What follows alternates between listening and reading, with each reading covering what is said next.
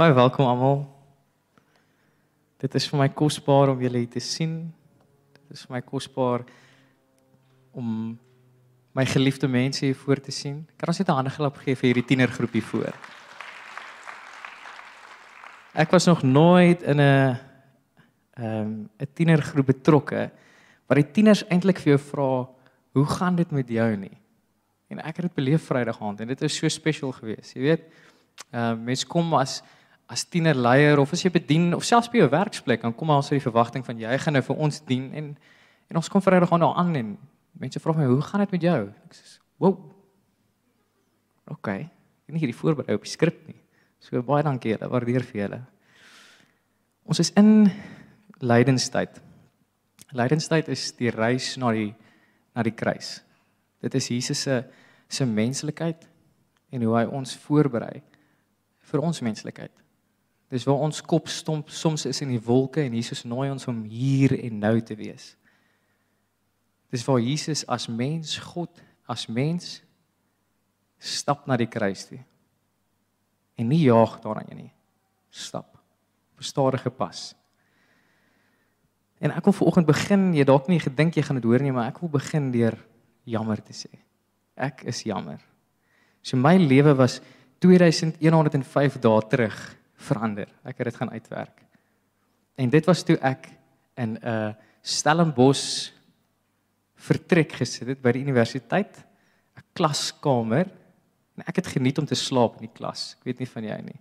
Dit was vir my so lekker. Dis hierdie groot oop klaskamers en dis net stilte en jy hoor heeltyd in hierdie volume praat iemand. Ag, dis amazing. Net dankie, dankie dosent. Jy's jy's amazing. Ek hoef nie, jy weet, rain noises aan te sit of enige so iets nie. Ek dis goed genoeg. En ons is toe op daai stadium op daai dag besig met 'n voorlegging groepe. Maar my groep gaan nou nie vandag nie. En en die voorlegging het gegaan oor tipe Ou Testamentiese teologie. 'n Baie fancy beskrywing wat net om te sê hoe het die mense van die Ou Testament God verstaan? Wat was hulle teologie rondom God gewees? En natuurlik ek gaan net eerlik wees, ek sê, man, dis 'n lekker geleentheid om 'n bietjie te slaap. Want ek het Pinkster groot geword en dit was baie Nuwe Testament, jy weet, georiënteerd gewees. Pinkster Heilige Gees in die Ou Testament, oef, dis cool en al, maar ek weet nou nie.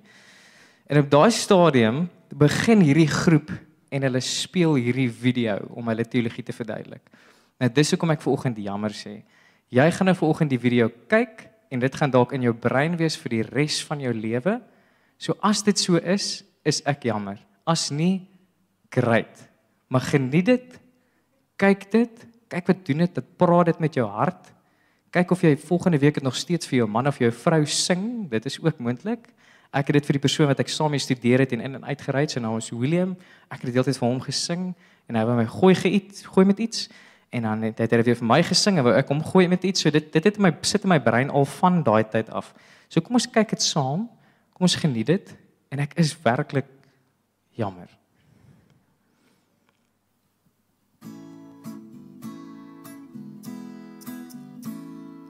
Cause and effect, cause and effect.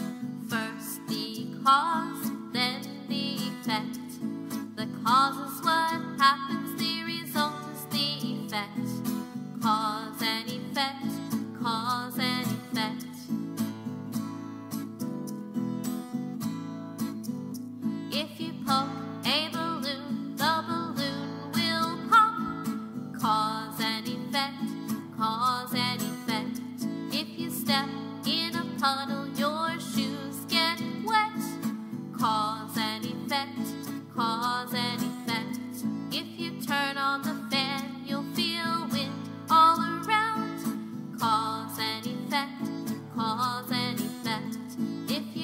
on the line. No.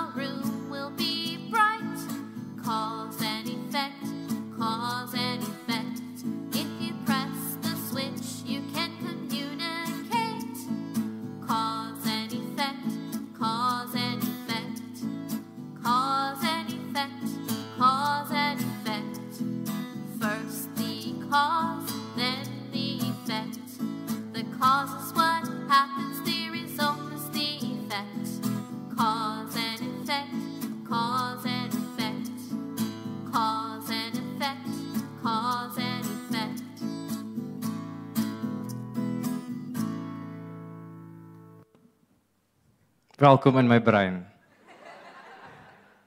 As dit nie in jou brein vassit nie, is dit oukei. Jy's ook 'n mens, maar as dit is, is ek regtig jammer. 2105 dae, soos ek gesê het, sit dit in my brein vas. En al wat dit is, is 'n tipe teologie hoe ons God verstaan as 'n wiskundige som. Vir al die logiese mense hierso. Yes, woe. Die gedagte dat jy vir God kan verstaan. Jy weet algebra mag dalk moeilik wees, maar jy kan dit uitfigure. Die gedagte dat as jy dit wat voor jy is gelyk aan teken is uitwerk, dan kan jy die wat na die is uh uh is gelyk aan teken is uitwerk. Cause and effect. Die gedagte dat daar 'n 'n oorsaak is of 'n scenario is, iets gebeur, 'n aksie gebeur en dit veroorsaak altyd iets anderste. As jy if you poke a balloon, the balloon will pop. Dit is altyd so wees. Tensy ek weet nie of dit op Mars so is nie, maar hier is ons nou. Die gedagte dat God 'n ingewikkelde wiskundige som is, maar verstaanbaar. En nou klim jy dalk so 'n bietjie in die brein in van die Israeliete in die Ou Testament. Maar ook dalk vir jou. Nou, die gedagte dat God 'n cause en effect God is. Daar's 'n scenario, jy doen iets en dit sal altyd iets anders te bring. En ons 'n stuk waarheid daarin, maar daar's ook 'n stuk gevaar daarin. Ek kan vir God verstaan of dis hierdie ding wat ek kan uitspel. In in Exodus het die Israeliete die die uittog, die Exodus, die exit uit Egipte uitgehaal. En hulle eerste ervaring saam toe hulle in die woestyn ingaan is is Moses gaan op die berg. Eksodus 19 en 20 en 21. En hy gaan op en die Here praat met hom en die mense wag angstig onder. Dis ons eerste geleentheid dat ons onafhanklik is. Ons is nie meer slawe nie. Dis 'n nuwe volk. Ons mou 'n bietjie, ons bietjie vreemd, dis vreemd, maar hulle is nie meer slawe nie. Hulle kom uit. En Moses kom af in die 10 gebooie en almal dink, "Wow, dit is dit." Klippe, God het self het gesê met Moses gepraat direk. Ons weet wat ons nie mag doen nie. Ons weet ons moenie dit doen nie en dan gaan daar iets gebeur. Ons weet wat die die die cause is. Ons weet wat die scenario is. Ek kan nie dit doen nie. En dan verder, net net toe hulle gedink dit is klaar en Eksodus 21 tot 23 gaan dit aan dan hoor Moses weer roepstem van die Here. En en is hierdie ongelooflike beeld. Daar is donder weer, daar is blits. Daar is geluide wat kom, daar is mis wat uitbeweeg en Moses is soos, "Oké, okay, is nog nie klaar nie." En na die 10 gebooie beweeg Moses weer en hy hoor wat die Here van wil sê en dan kom nog riglyne, grense. Wat kan ek doen? Wat kan ek nie doen nie? En dit is baie spesifiek.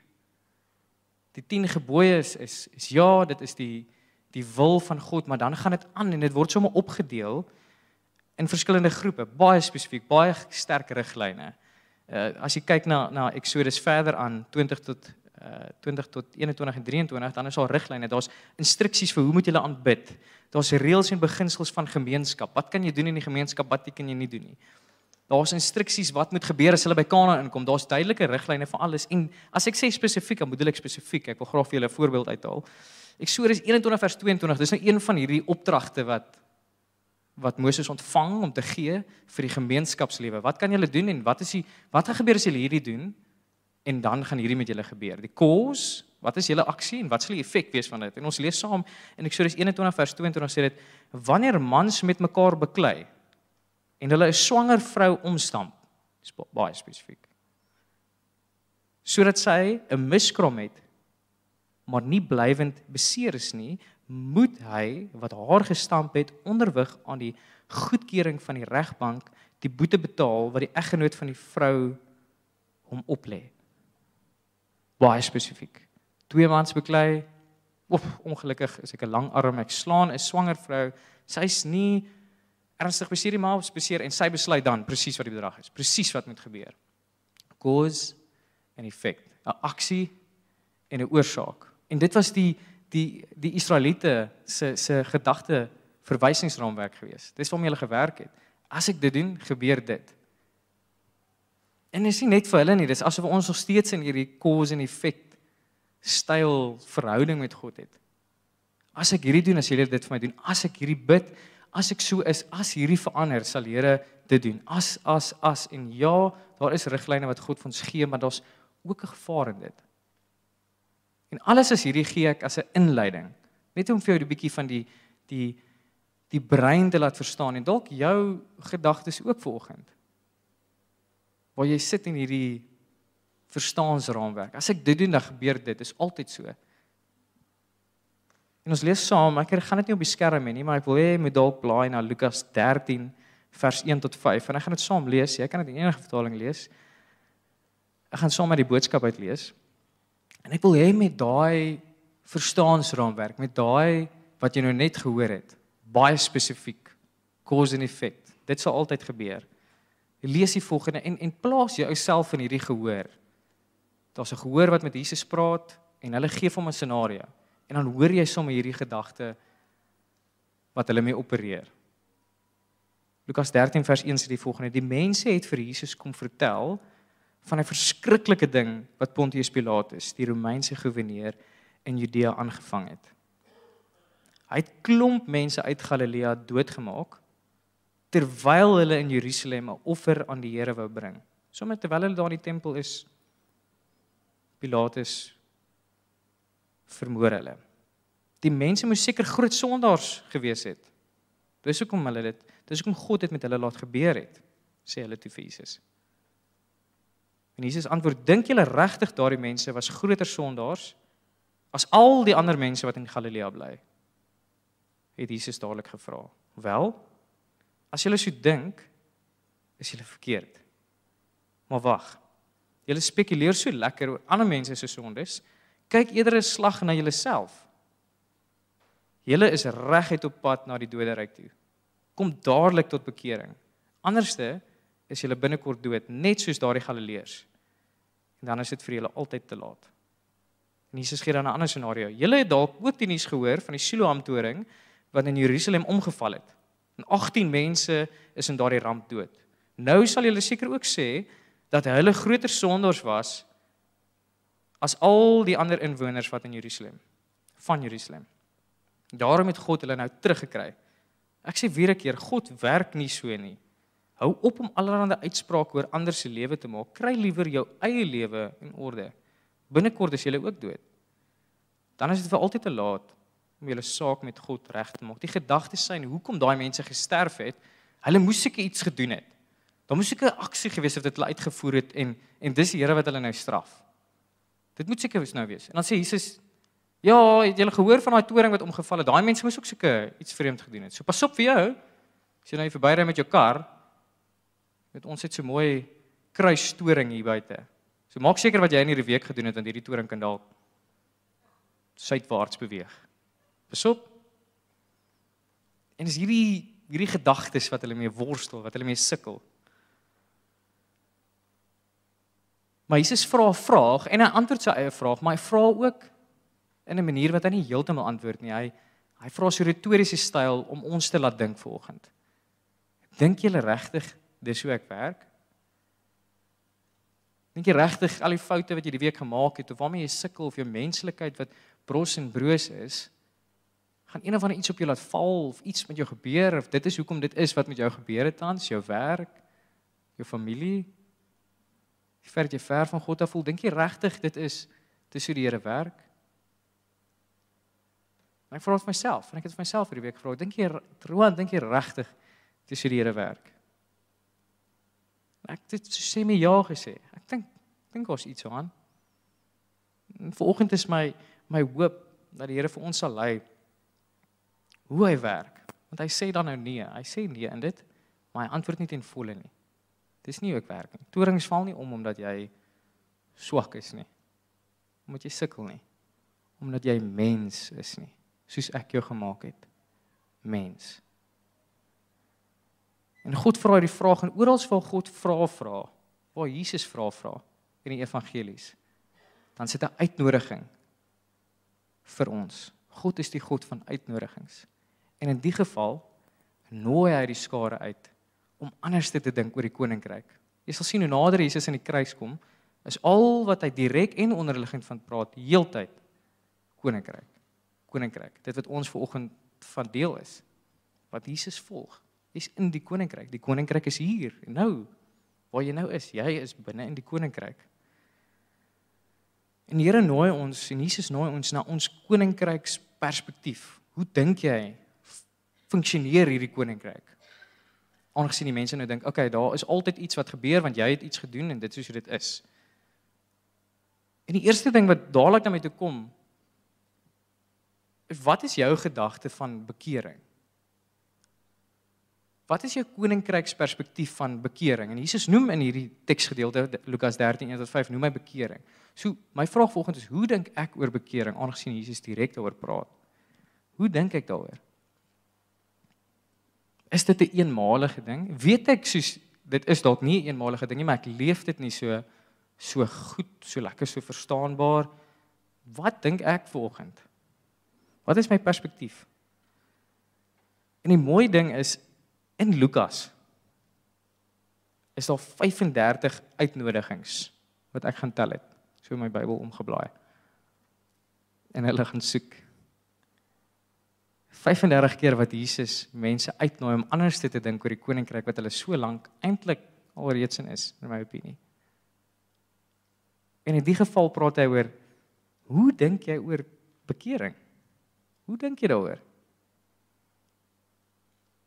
En daar is duidelik iets wat hulle van moes bekeer het. En as ek sê bekeer, dan praat die die Nuwe Testament van bekeer verander jou gedagtes van iets. Daar is 'n bekering wat gebeur as ons die kant toe gestap het en dan stap ons nou die kant toe. Okay, maar nou stap ons in die rigting. So ons het weg van Jesus af gestap. Ons het nie regtig hom gevolg nie. Word groot in 'n Christen land.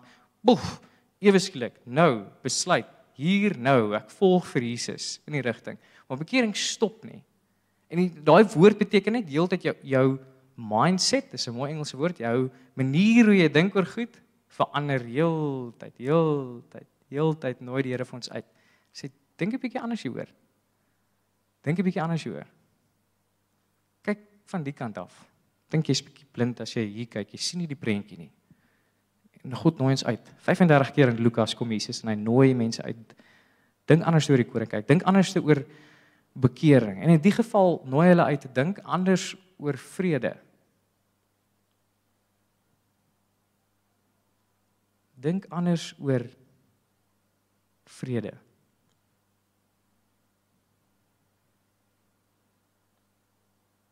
Ons sukkel met hierdie you have arrived syndroom, soos ek dit noem.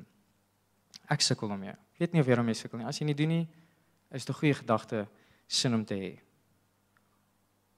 My gunsteling ding is die tannie van die GPS vir my sê you have arrived. Ek maak nie saak wat se pad ek gevat het nie. Ek is hier, mense.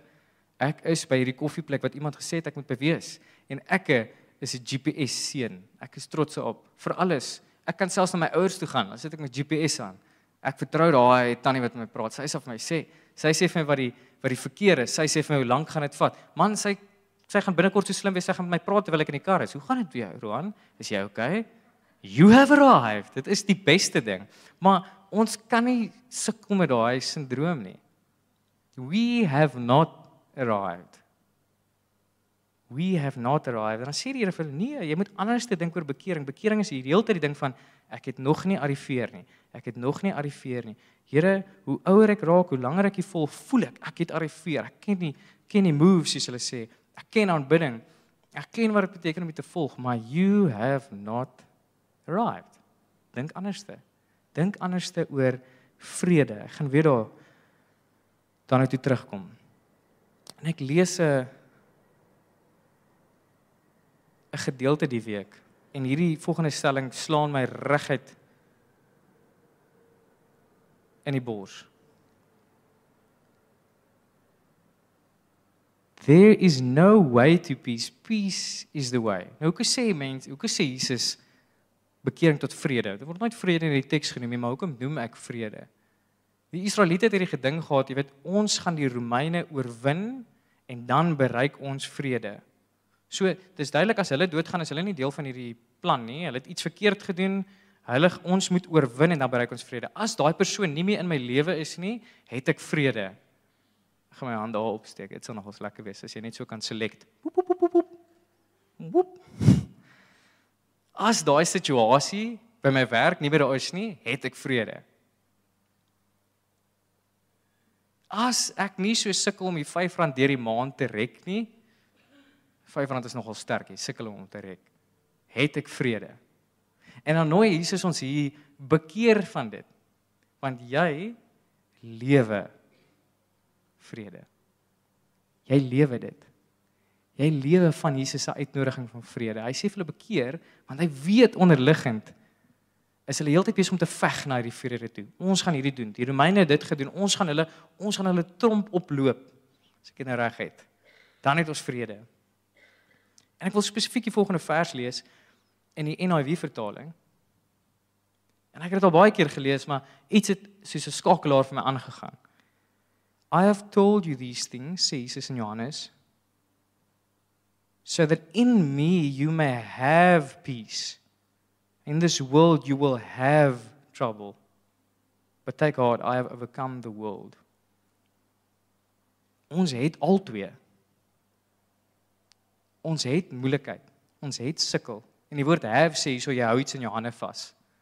Net soos ek hierdie mikrofoon in my hande vashou, dis op die oomblik myne, dis niemand anders se nie.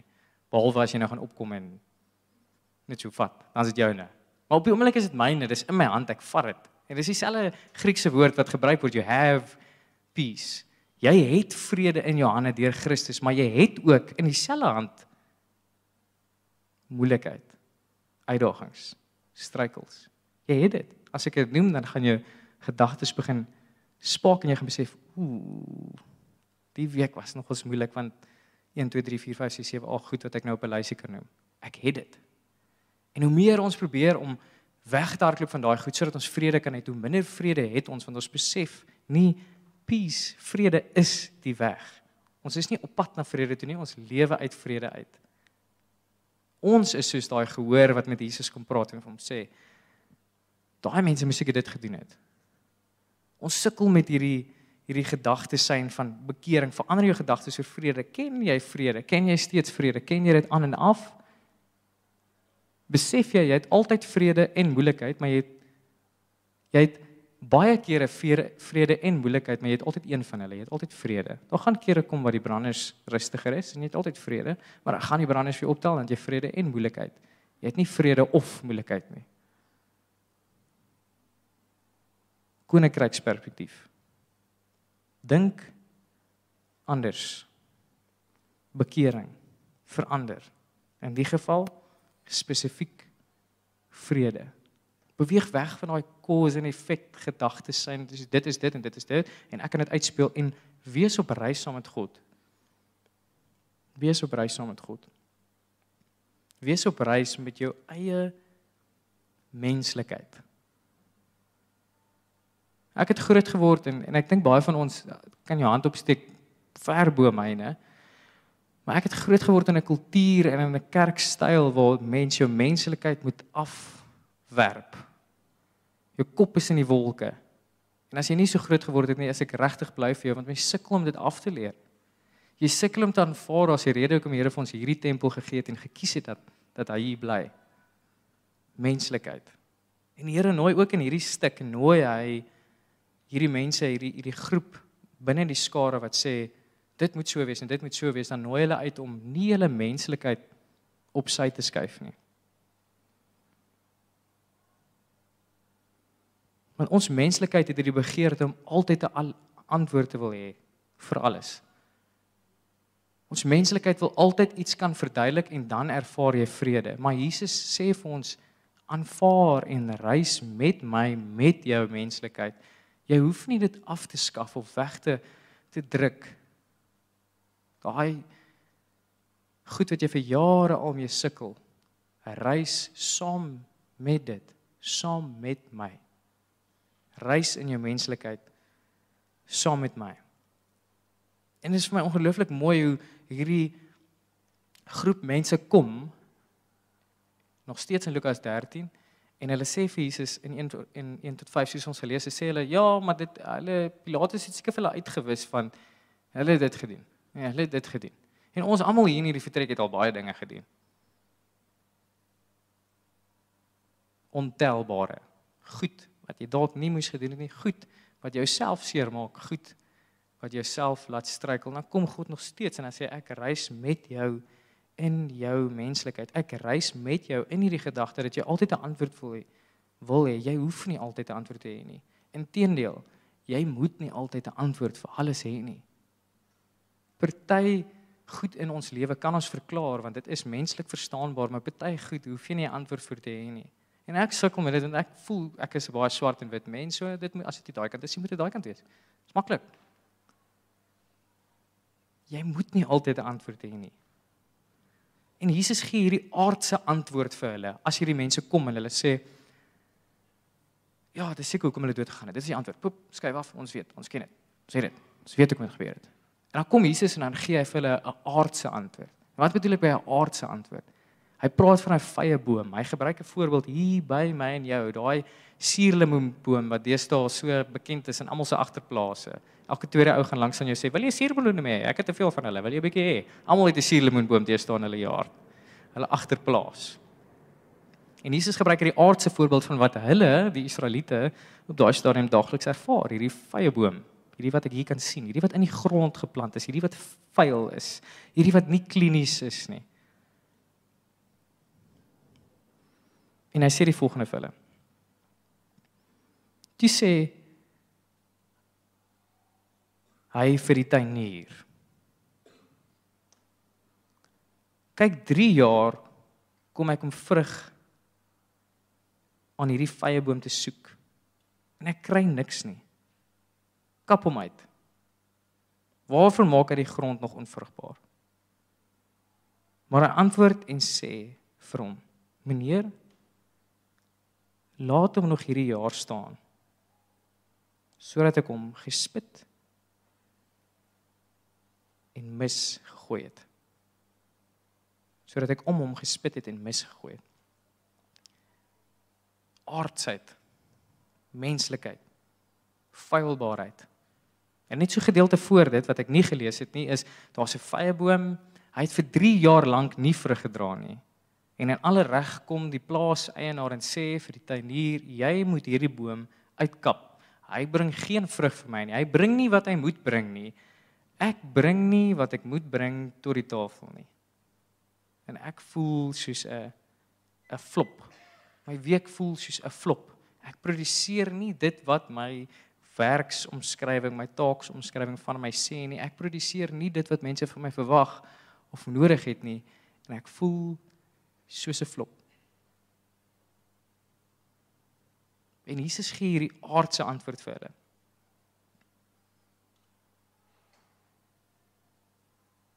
Ek smal daaroor. Jesus nooi ons om menslik te wees. Jesus nooi ons nie altyd 'n antwoord vir alles te wil hê nie. Jesus nooi ons na 3 jaar die getal wat sê daar was genoeg tyd, 3 in die Bybel voltooid.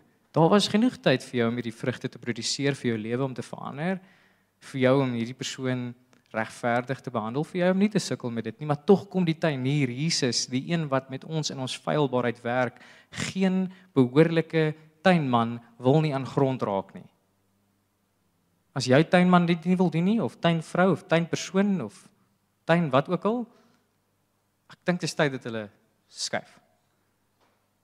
Enige goeie tuinier raak met sy hande in die grond, spit dit om, werk met implemente, is nie bang om die aand huis toe te gaan en sy hande is brein van al die grond nie.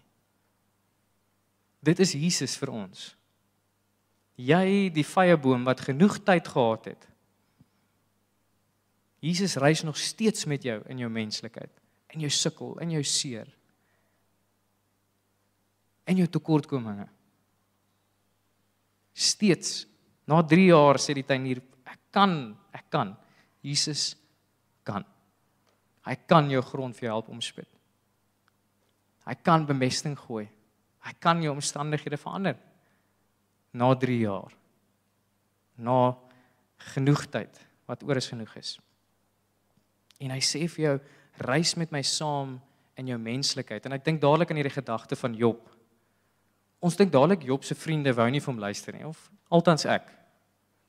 Jy weet toe hierdie slegte dinge met hom gebeur en En hulle sê, "O, oh, die Here het seker jy het iets seker iets verkeerd gedoen." Selfs as hierdie mense in Lukas 13. Jy het seker iets gedoen. Maar Job se vriende sit eers 7 dae met hom op sy plek van rou, skeer hulle klere en na 7 dae sê hulle, "Ek kan nie meer hierdie stilte hanteer nie." The need to always have an answer. Dit moet verklaarbaar wees. Ek moet 'n antwoord hê. Ek het hierdie begeerte om 'n antwoord in my te hê. Hoekom dit met my gebeur en as hierdie een van my gee nie sal ek sommer een opmaak. Ek moet 'n antwoord hê. En dan sê die Here, ek nooi hom te reis in jou menslikheid. Ek is nie soos Job se vriende wat na 7 dae sal sê ek kan nie meer nie. God kan altyd nog.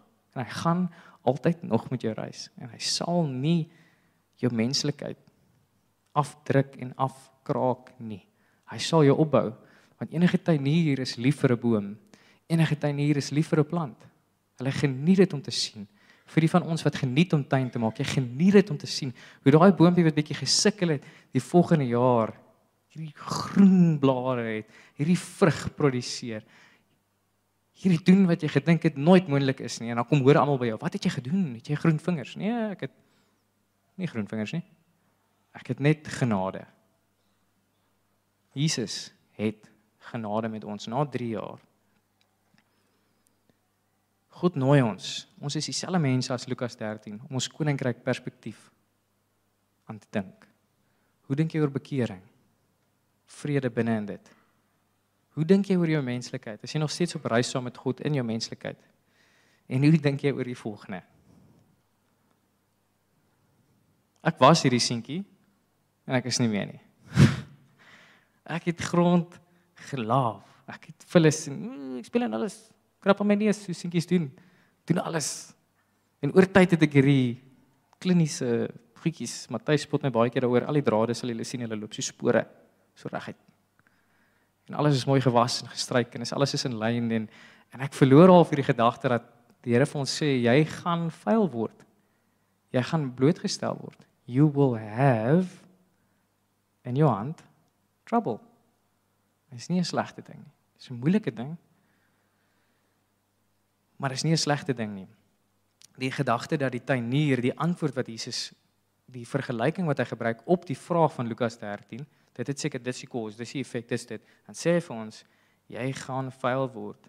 Die tuinier gaan jou grond omspit. Dit gaan so 'n bietjie geroer word. Dit gaan gebeur. Jy gaan vuil word. Jy gaan soos hierdie seentjie of dogtertjie Party dae gaan jou klere nie meer skoon gewas kan word nie. En ek weet nie of party van die ma's of pa's nou hier sit en ooh, ek kan nie nou van op daai te sien nie. Ons was goed, is klaar agter. Myn jou was goed is ook soms agter. En dit is oukei. Okay. Dis oukei. Okay. So kyk as daai hemp van jou vanoggend nie so mooi gestryk is nie. Kan jy garandeer niemand gee hom nie. Dis net jou vrou wat vir jou sê, "Hoe kon jy nou jou hemp gestryk nie?" Dis oukei. Okay. Die Here nooi ons om uit hierdie gedagte van alles verduidelik, altyd 'n alles van altyd 'n antwoord vir alles te en hy nooi ons om gereeld ons koninkryksperspektief in hierdie lydenstyd te hersien. Nuwe gedagte rigting te kry oor vrede, oor jou menslikheid, oor hierdie gedagte van jy gaan vuil word. Hy nooi jou. Die God van uitnodiging. Die God van nader. Die God van hand uitsteek, die God van met jou, Immanuel, reg by jou. Ek gaan saam met ons bid. En al wat ek vir Here gaan vra, eenvoudig, is net vir ons om bewus te raak van God met ons en dat hy ons uitnooi konstant om ons koninkryksperspektief te vernuwe ons reis na die kruis toe. Ons hardloop nie na die kruis toe nie. Ons stap daarheen. So kom ons bid saam. Dankie Here dat U die God is van van stap. U doen ongelooflike dinge deur ons, met ons, vir ons, rondom ons. En dit kan soms vir ons so opgewonde maak en dan wil ons hardloop na die volgende ding toe en dit doen en hierdie afskaff en sê ja, ek het dit oorwin. En dan kom hy en sê vir ons ek is die God van stap. Ek vat jou stap vir stap. Galasiërs 5 sê stap in ritme met die Gees. Here ek bid daai koninkryksritme binne in ons. Herinner ons daarvan. 'n Stapritme. Herinner my Jesus aan my menslikheid en ek saam op reis. Herinner my dit was al was dit al 3 jaar, is dit oukei, okay, U is met my en ek is op reis met U genade. Herinner my dat dit oukei okay is om vuil te word, selfs al het ek oor tyd 'n kliniese Christen geraak herinner my aan vrede en dat ek nie konstant sal veg na hierdie vrede nie, maar leef met vrede wat in my gedeponeer is. Herinner my Jesus, herinner my Heilige Gees. Dankie Here dat U op reis is met ons in hierdie lydenstyd. Word ons net weer herinner na die reis op pad na die kruis, hierdie stap tog op en afdrand. Dankie Jesus vir genade en dat U genade genoeg is. Altyd. En dankie dat U vanoggend vir ons kom herinner het wat ook al nodig was. Dankie dat U hier is met ons altyd en vorentoe. Ons is dankbaar. In Jesus naam. Amen.